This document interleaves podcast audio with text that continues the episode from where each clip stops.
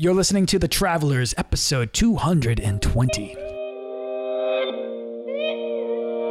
People think that by going off and leaving that they're going to fix all their problems. And the one thing that I've discovered more than anything else I've learned is that you take your problems with you no matter where you go. So traveling is not a problem solver. Traveling is just a way to become a better person if used in the right way. Welcome to The Travelers, a show that tries to do for you what travel does for you. Add a little inspiration and clarity to your life. Each episode is like a recipe of a life well lived. What's the adventure that awaits you? The Travelers is produced by Holocene. Transform your approach to life through travel and connection. Find your story at holocene.io. That's H O L O C E N E dot I Today I get to sit down with my friend Kirsten Alana, who I had the good fortune of meeting randomly in Bozeman, Montana. Uh, my favorite moment from this story, and I'm going to cut right to it today, is when Kirsten reveals that she was a wedding photographer until she got divorced. And then she hit the road and became a travel photographer. This decision, which is an amazing metaphor, led her to finding and doing creative work she loves and catapulted her to finding opportunities all over the world. But what it also did is it redefined who she was in the eyes of others and, most importantly, to herself. That is, Kirsten went out, found what was waiting for her on the road, and shared it in a way that mattered. And through this process, she transformed herself into a person living a life that she loves to live, the one that she was meant for. And she knows it. And she talks about that today. So today, we're really talking about change. What change do you want to see in your life? And are you waiting for it to happen or are you going after it? Sharing your findings and letting that process redefine you. Or are you sitting still and hoping the change will just happen? Because identity is something that we craft through the art of travel. That's why travel is inherently creative. Kirsten works really hard to do this. She works really hard for her clients. She works really hard for herself. But she's amassed almost 200,000 followers on Instagram, which has opened the door to finding creative opportunities all over the world, working with luxury travel brands and tour operators and more.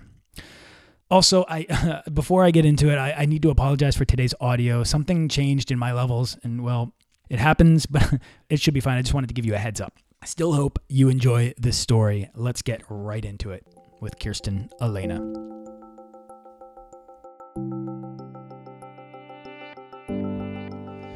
Kirsten Alana is a former nomad turned New York based travel photographer, entrepreneur, consultant, writer, blogger, and digital influencer, and the creative mind behind Aviators and a Camera, where she posts about her adventures, luxury travel assignments, creative pursuits, and life in general, uh, which does sound a bit complex. The compelling thing about Kirsten is not just the many hats she wears, or that you know what she does is unusual, but how she does it so well and with such such a thoughtful style.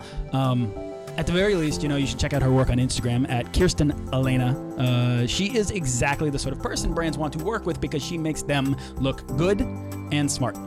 Once upon a time, months ago, uh, she was going to come on the show, but time has a funny way of swallowing us all whole, right? Especially when work is travel, and travel is a whole lot of work.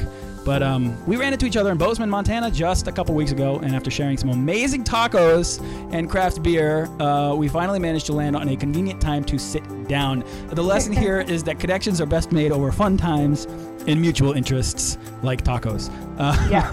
yes. Yes, yes. And the, and the other lesson here is that if you travel with other travelers, they can make recommendations even if they've only been in town for like an hour. And that totally paid off. So, Kirsten, welcome to the Daily Travel Podcast at long last. Thank you so much for having me. I'm so excited to have you. Um, first of all, it was really awesome to get to know you in person, um, and to do so Ditto. in such an amazing setting like Montana. I just, uh, my mind is still blown. I, I, feel like I left a small part of myself uh, somewhere in between Yellowstone and Glacier uh, because, wow. Yeah, you stole the words right out of my mouth. I mean, it's a state that just kind of blows you away from start to finish, and I think surprises you constantly. Because even though I knew that Montana was going to be pretty I kind of just didn't know how pretty. And also, I didn't expect to have the best taco, like literally the best tacos I've ever had. Hilariously, I'm saying literally, even though we both discussed our mutual disgust for that term because it's so overused. But yes, literally the best tacos I've ever had in Bozeman, Montana. We covered that. We covered all of the words that are abused, like literally did. and unique. I've like I've been allergic to the word unique since we had this conversation. Yes. Unique is yeah, unique I've means drawn my attention to it anew. Singularly unique, not just that many things are unique or or what Kirsten Alana does is unique. I actually deleted that out of um, out of this little intro that I gave you because I was like, no, other people do what she does. She just does it in a particularly uh, unique style. Let's say that's correct. Oh my God, I'm getting away from this word. Kirsten, unusual. I know, Kirsten. Unusual, exactly. Kirsten, how many states have you been to? I have been to every state in the United States of America, Boom. including our territories except Alaska. I love it. All right, I've been to 43, so you got me beat. Um, well, it was hard to do, but it's been a fun thing to accomplish. Do you agree that Montana is up upwards at the top? I mean, it used to be for me like New oh, Mexico in, ter- in terms yeah. of just sheer beauty. Yes. Yeah, absolutely. Am I allowed to say hell on a travel podcast? I would say hell yeah. Yeah. Well, I think hell is, is okay. So Okay, good. uh, awesome. So Kirsten, I shared a little bit about you, but I, I want you to um, take us back to where you're from. Introduce yourself, and uh, uh, where'd you grow up, and how did you get started traveling? Okay, so I hate talking about myself, and I think you actually did a better job than I could. but let me think of some things you didn't cover. So I was Please. born in Vermont. I live in New York now. In between, I've lived in every major region in the United States. I was married and divorced in my 20s. That was in Ohio. I went to college in Arkansas. I spent 18 years living in Detroit in the Motor City. I've lived in Charlotte, San Francisco. You know, kind of covered all the bases, and uh, and then you know along the way traveled through all of our states except Alaska. So um, really, always had a goal of trying to see as much of my own country as possible before I became an international traveler. And then once I got overseas, I just realized that there was no such thing as seeing too much of it. So I basically spent four years just traveling out of a backpack and a suitcase and seeing as much of the world as I could. I never called myself a backpacker.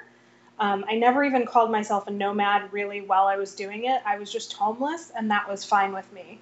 And uh, it was probably the best thing that I ever could have done for myself, you know, post divorce, 20s, turning 30 um, I learned more about myself in those four years than I've learned in the rest of the 30 plus years that I've been alive. Wow.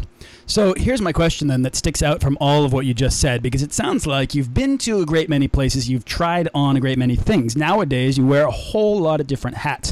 It sounds like there's sort of a frenetic energy about movement in life, uh, and these things are sort of inextricably linked for you. My question, though, is did you at one point or ever have the intention to sort of stay put, perhaps uh, when you got married in your 20s? I I thought that's what you were supposed to do, and I was uneasy with that reality, but I figured I would give it a try. And in reality, um, part of the breakdown of my marriage is my fault because um, being too settled is not me, and I'm not sure it ever will be. I mean, let's talk again when I'm in my 40s or my 50s. Maybe I'll feel differently, but I think I definitely, I, I don't, I think there's a frenetic energy to life that I need and that I thrive on. And that when I am not moving or when I do not know if there's some movement coming up, that's when I become uncomfortable. You know, it's that feeling of being more alive that I think so many people sort of are compelled to explore, whether that's just a simple thing like having the world's best tacos on a street corner in Montana, or it's actually finding the right person or the right routine on your daily life to make sure that you feel like what you're doing every day when you wake up is actually part of the right life as opposed to the wrong life or the smart life or the safe life or whatever the terms are. It's this this ongoing process of self discovery that I think we all just sort of chase. Um, yes. Right? I think, yeah. And I think for me, you know, I get a lot of people saying, oh, I'm so inspired by what you do. I want to go and be nomadic too. I want to drop everything, quit my job, and go travel. And you know that's great uh, to me. And when people say that, I think that's literally the most humbling pe- thing that people could say to me. And I just I am still amazed every time someone says that. And yet at the same time, it also makes me very uncomfortable because the one thing that I never intended to do was be like a poster child for leaving your life behind and starting a new one. And I think that for me, a valuable life and one that makes me happy is one that includes a lot of change but that is not change just for the sake of change. And I think that's a mistake that a lot of people are making as sort of being a nomadic traveler and being a backpacker is becoming very trendy.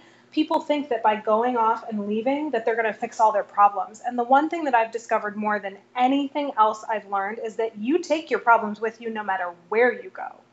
So traveling is not a problem solver. Traveling is just a way to become a better person if used in the right way. Mm, I like that. I mean, it's less about travel as an escape and more Yes. about travel as a device for growth.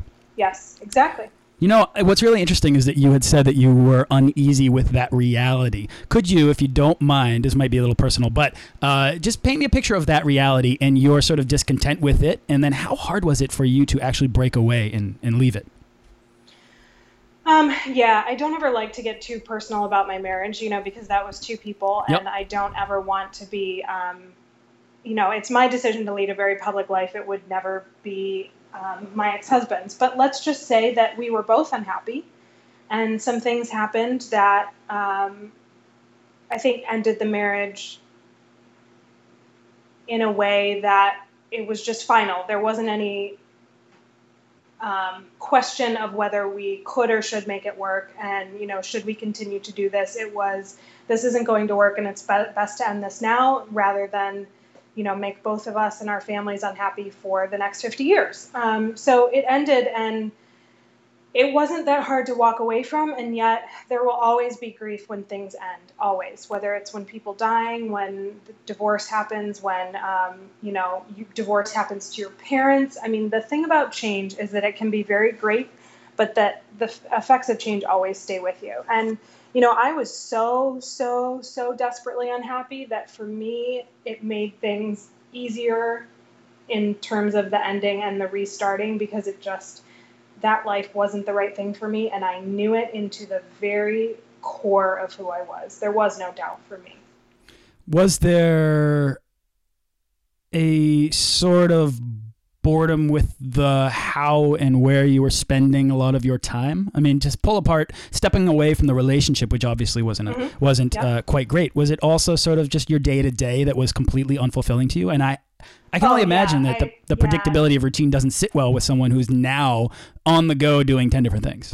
yeah no routine has never been good for me and and that is the one thing that um, i think people miss in the whole well you got divorced and you changed your life they think it's about the marriage um, no it was everything about the life that i was living when i was married none of it fit me and i knew that and i knew that it was up to me to change it uh, one of the reasons i hate people saying that they're bored is that i think boredom is a self-inflicted thing Yes. that we choose because you can always change your circumstance and you always have a choice in changing your life.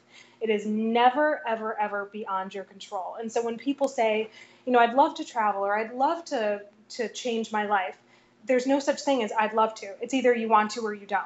You know, it's like Yoda, do or do not, there is no try. I mean, you literally have control over your life. Now, you may not be able to go from being a person with no money to tomorrow having $10 million. That's not a choice. That's a circumstantial thing that you have to work toward. But you do have the chance to change your life, and all you have to do is make the effort and do it. You can't expect that anyone else is going to do it for you. And so for me, it wasn't that I was bored, it was that I knew the life I was living was not the right one for me. And so I made the choice to change. yeah. And how hard was that change to make?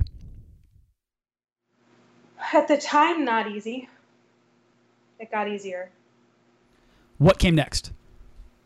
I just traveled. I didn't make plans. Um, I did the one thing that I would recommend nobody else ever do. You know, Which is something that people say a lot on this show. Please keep going. yeah, good.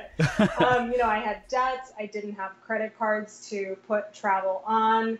I had no income coming in because basically I was a wedding photographer at that time. So, you know, I stopped taking new weddings and I just finished out the weddings that I had. And then I had to come up with a new way to then make money because I didn't have that savings from several years of deciding that I would travel eventually. I just one day decided I was going to travel and I went out and did it. And so there was a lot of sort of like taking travel experiences in exchange for work, but not actually making money. And there was a lot of that in the beginning. And then eventually that led to paying work.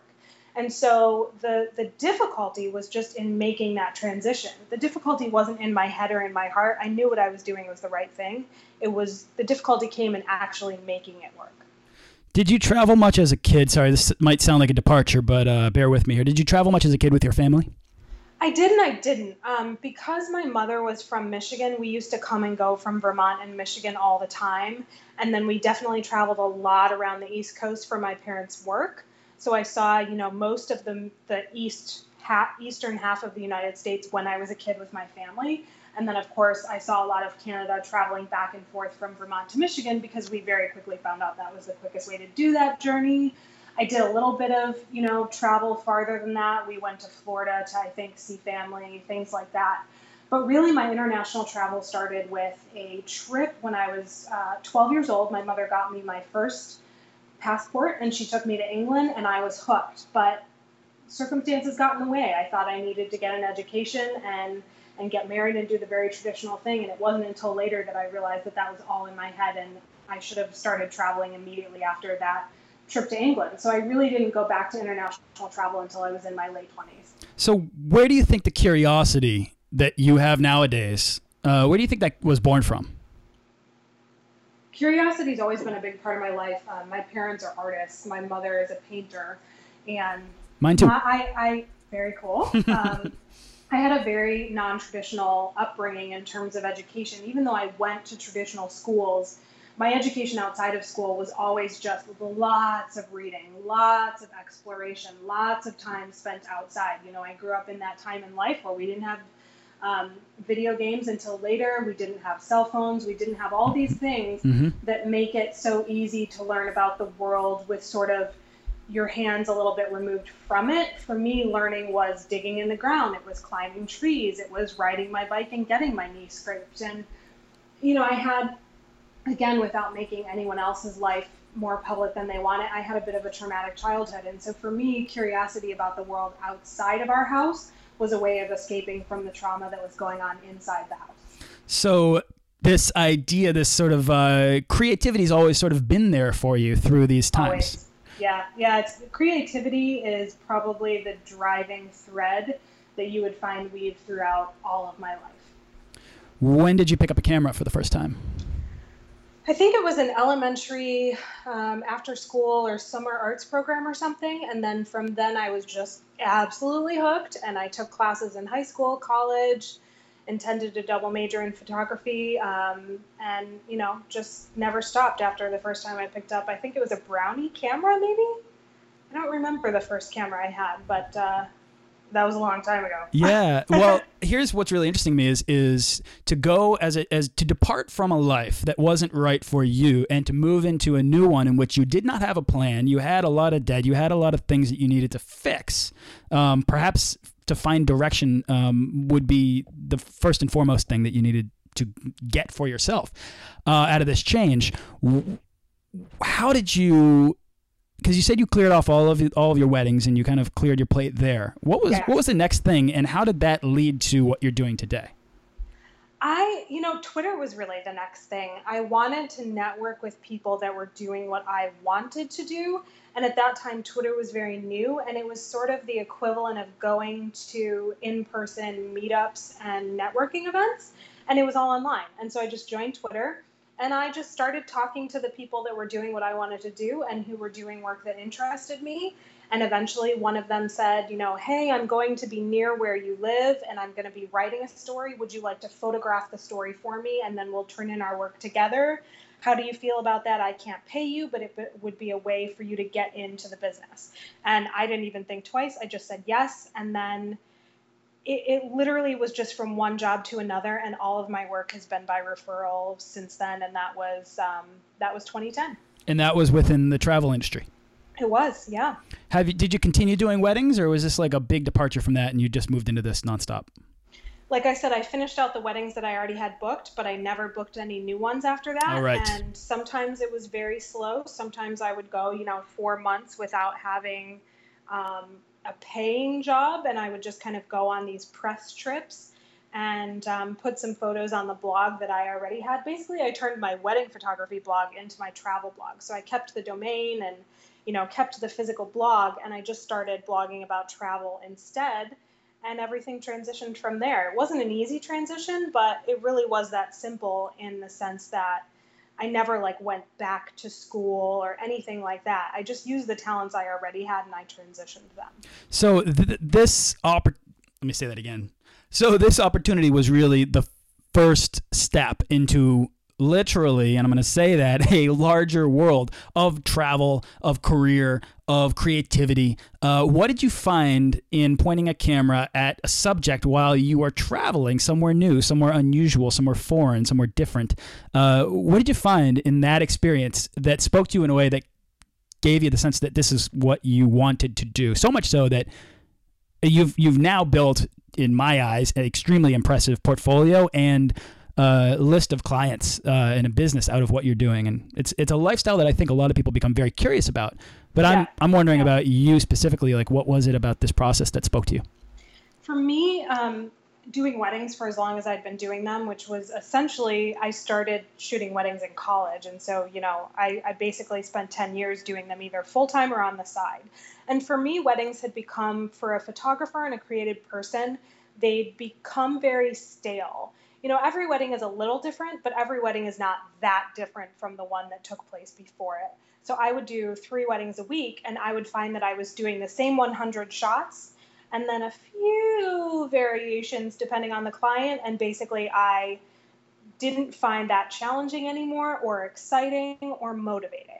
And so for me, from that very, very first travel assignment where I was taking pictures for a writer, I found that every day of the job and every day of the trip and every experience was a little bit different from the day before it, the moment before it. And I found that there was a continual challenge with travel photography that I hadn't had with wedding and portrait photography you know, the parallel of getting divorced and then no longer photographing weddings is not lost on me, and I'm sure that you've realized that. Um, and then to move directly into travel and sort of this thing, this find this new love uh, of life, and uh, oh yeah, travel became the love of my life very, very quickly. So what what was it in general about travel? And this is maybe a, a big question, but what is it about travel that that filled the gaps in your life that were that were basically voids before?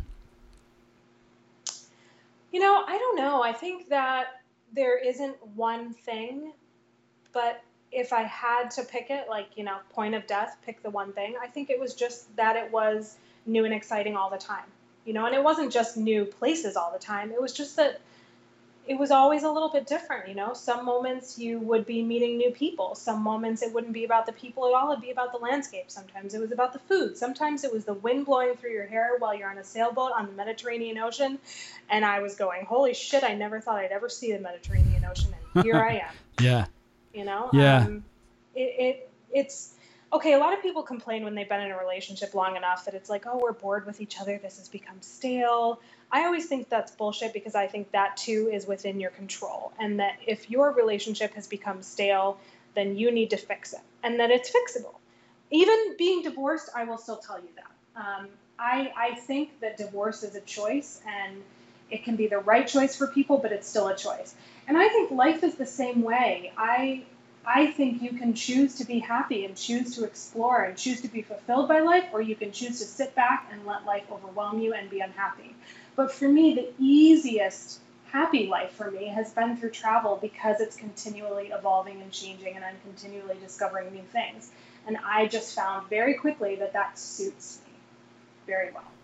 One one thing that I'm curious about is what are you trying to do with a camera when you take a picture or when you capture a moment. And I and I'm wondering this because I'm wondering if you're trying to capture an ideal. And as a wedding photographer, I feel like wedding photographers in general are trying to uh, capture some essence of magic or, or, or, or, capture happiness or capture that perfect moment that will end up on the, the you know the husband and wife's wall for the rest of their lives um, and then at the same time in travel media and in travel photography you're trying to capture a sort of uh, an ideal moment, the magic that exists on the road that we I think that we look for, that serendipitous occurrence that is a thing unexpected that takes us out of the realm of uh, routine thinking and sort of transports our mind and uncorks our imagination and gives us this sense of like, whoa, there's magic here. It's sort of a similar thing. I think it's maybe in abundance at weddings and while traveling. I think a lot of people's favorite days of their lives are either while spent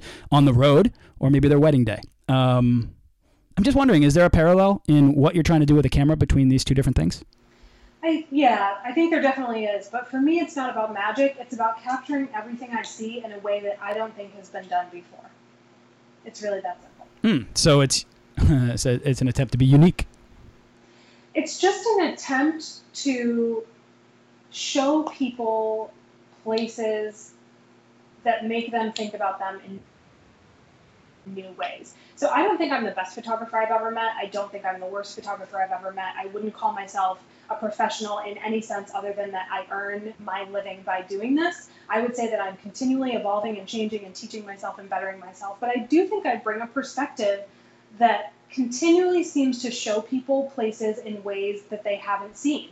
And so I wouldn't call it unique. I wouldn't even say that it's unusual, but I would say I'm driven to surprise and teach people.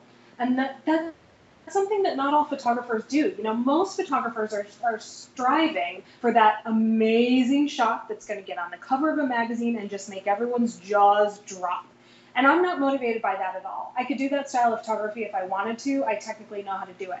But for me, it's not about that. It's about kind of coming at people from the side and making them think differently.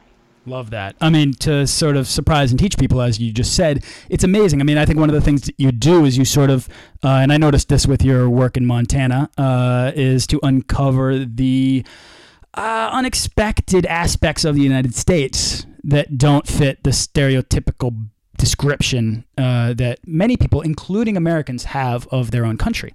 Uh, and so I think that's a that's a pretty valuable perspective that you can bring to the table. Uh, and and um, uh, that's what you do specifically, but I think people in general to do the unexpected, to do the, uh, to take a different tact on work that other people are doing, so that you define yourself as the person that can do this thing skillfully, is a uh, is a really good way to set yourself apart. Yeah.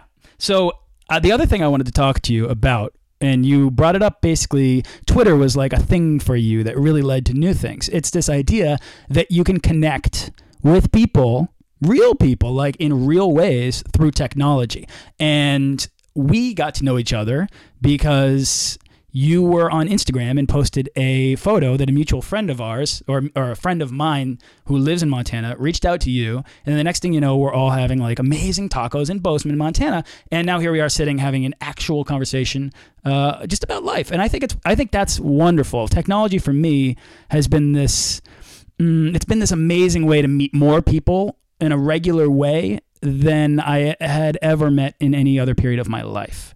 Um, and I just I wondered if if uh, if that has been the source of your referrals. It was certainly the source of your new career. Yeah, you know, social media for me basically brought everything good in terms of my career my way. And yet, the irony with it being completely online is that the best results of social media have been when I've met someone through social media, but then they become a friend face to face, in person, offline. So even though social media might be the initial spark through which I meet people and make connections, it's always once that's taken off the computer and off the smartphone that it becomes amazing.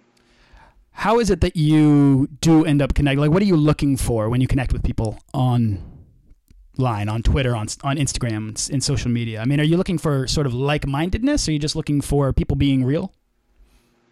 I think people being real, you know, there's a lot of um, fakeness on social media and there's a lot of pandering and there's a lot of sort of glossing over what's real just to brand yourself and make yourself look a certain way. And so for me, even though there's a lot of thought that goes into how I portray myself on social media as well, and there's certain things I won't share, etc., I'm looking for realness. I'm looking for people that don't always have to pose with the perfect light, that don't always have their makeup on, that um, share and talk about things that actually mean something to them, and that give themselves, give a part of themselves away on social media in a way that encourages connection. Um, there's so many people that just use social media for business, and I don't tend to connect with those kind of people.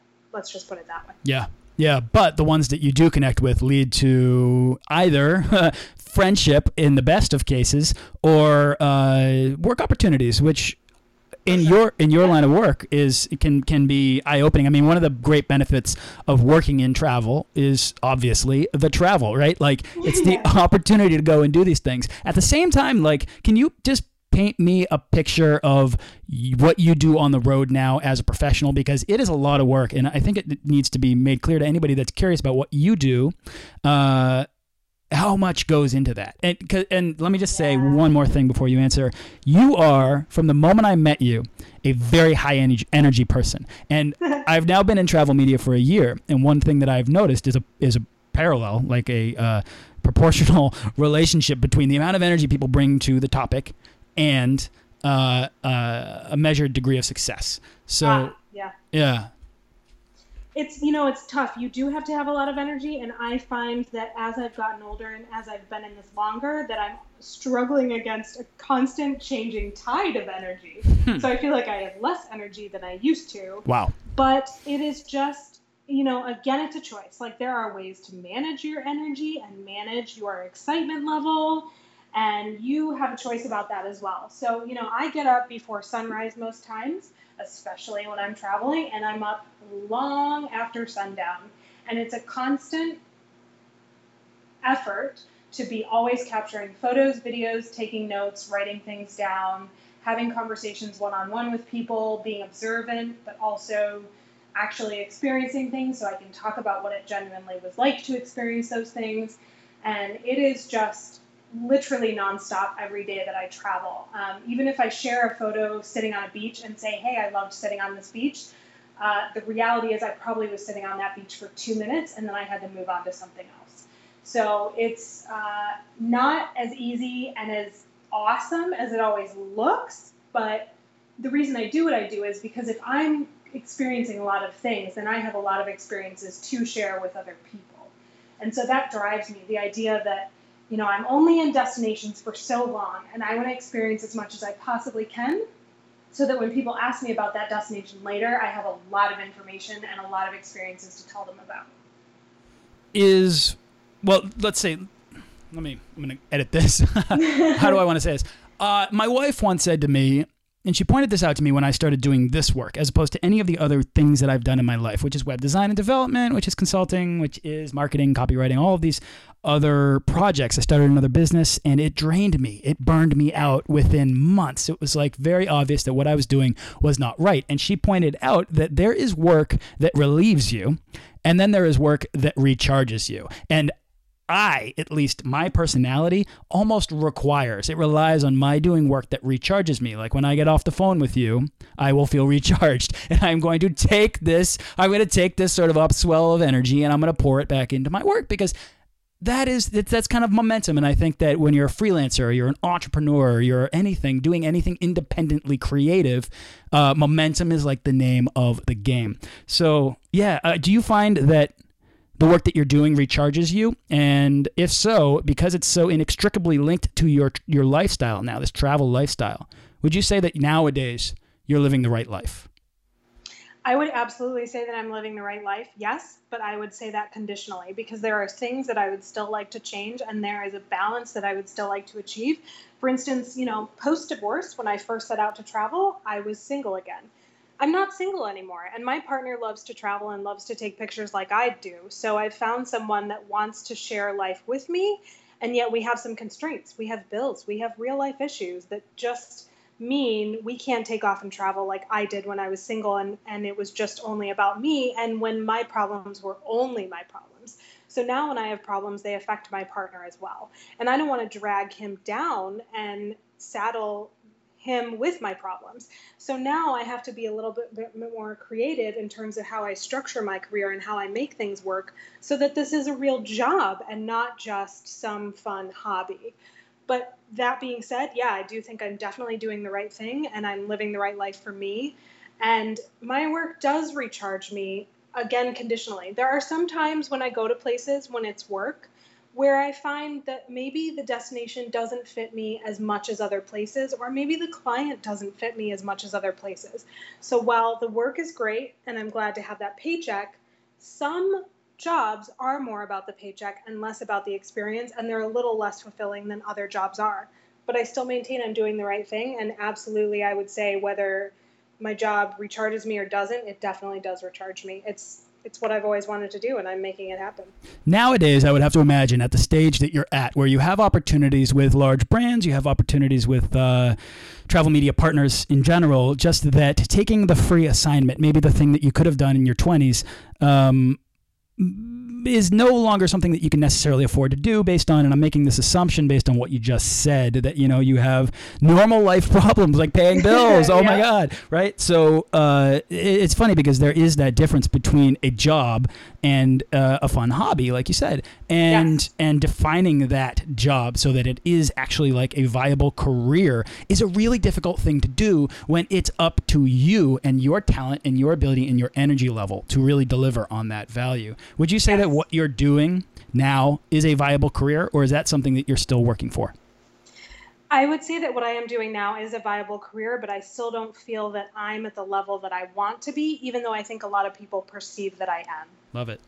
So, would that be because of your ambitions, or is that just the reality of the situation and that you want to solve the normal life problems just like we all do? At the same time, you have these fun opportunities yeah, I think it's a constant balance. You know, I definitely find that I have more ambition than I thought I did the more I get into this. But then also, it's just that, you know, the reality of paying for life as an adult is constantly surprising. I mean, it just costs more to live in New York City than I ever even imagined. I don't know how you do that. I don't know how you do that. And I think I said this when we met in person, but that is, I, I was living in Boston recently. I moved a year ago, started this travel business. Life has been less expensive for me lately, but if I was still paying rent in Boston, which is exploding, I don't I don't know how I would be able to balance this lifestyle. So that's a real challenge that you're undertaking. Yeah. yeah I don't know yeah. how you do it. It is. Yeah. So, but you know, again, I thrive on challenge, and so that's part of the fun of it. Is uh, you know, can I make this work? Because it is only up to me. You know, I don't want handouts. I don't want to ever be reliant on other people. I don't even want to be reliant on my partner. I want us to be a team, and I want us to come equally into the partnership, helping each other out, and not one being helped by the other. And so, yeah, for me, it's a constant challenge to be where I want to be and to balance where I am with where I want to be. Yeah, I think growth doesn't happen without discomfort, and ch- challenge is yeah. the best way to find discomfort, even if that process isn't fun. However, what's really interesting about you is that you went from perhaps a place of comfort, which is you know maybe a stasis in your oh, life oh, in your sure. 20s. I had like a four-story house, two cars. I oh my oh, goodness! Oh, yeah, yeah. To a, by all things considered, in terms of that American dream that we talk about, and you know nowadays it's a little politically incorrect even to talk about it. But in terms of that traditional American dream, I had it all. The adventure, I think, of travel and the adventure of freelancing. I'm not sure which one's bigger. Probably freelancing uh, has made you. Uh, I'm willing to guess uh, far more comfortable with being unplanned, far more comfortable with discomfort, because I think those are the things that happen when you build the habit of travel or you build the habit of self reliance um, and you enter sort of a world of independent, uh, sustaining creativity, uh, which is where you're at. And um, yeah. I, I, I, find it all very fascinating, as I'm sure so too do my listeners. Um, but we're going to wrap up because we're running out of time. Um, Kirsten, what's exciting you the most right now? Where's your next trip, or where's your ne- or what's your next project? Well, I'm excited by the fact that um, Dante has been able to come with me a little bit now. The longer we've been together, the more he becomes an accomplished photographer himself. Oh, I love that. So next we're headed to Italy, and it is a joint, uh, I guess, job. We're both being, you know, used by a company that wanted to work with both of us. And so we'll be in Venice, Italy for four days, and I'm, I'm really excited to go to a place with him and to actually be able to work with him and be a team. Uh, that being said, you know, whether that's a long term thing or whether it's not, I'm open to both situations. I like the idea that I can do my own thing and also do things with him. And that to me is the ideal life, you know, having a life that involves travel, but also has both independence and the idea of sharing life with someone else. That's spoken like a creative person who needs to be able to do their own work in solitude, but at the same time, I'm sure you're like me, thrives off of the social situation that actually yes. has to have someone there or have a group of people there or just have someone to bounce ideas off of and uh, feel like you're not alone in the struggle of life. It's a great thing. Uh, and, and I can hear that. I can hear the elation in your voice. Uh, Kirsten, Alana, where can people go to find out more about you? Well, it's pretty simple. My name, KirstenAlana.com, uh, pretty much all social media. I'm also Kirsten Alana, the exception being on Facebook, where I'm Kirsten Alana Travels. And then my blog, aviatorsandacamera.com.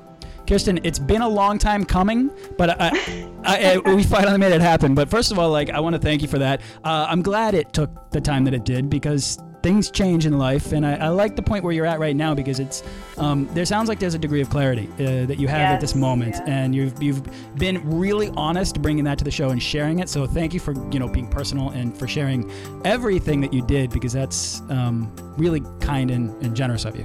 Well, it's my pleasure. It was really enjoyable to talk to you, and especially now that I know you face to face as well. and then I'm a good, normal person who likes craft beer and tacos in Montana. Let's yeah. do let's do that again somewhere, sometime. Oh, for sure. Okay, Kirsten. Thanks again. All right. Cheers. You've been listening to The Travelers, a show designed to add a little inspiration and clarity to your life. Each episode is like a recipe of a life well lived. What's the adventure that awaits you? The Travelers is produced by Holocene. Find your story at holocene.io. That's H O L O C E N E dot I O.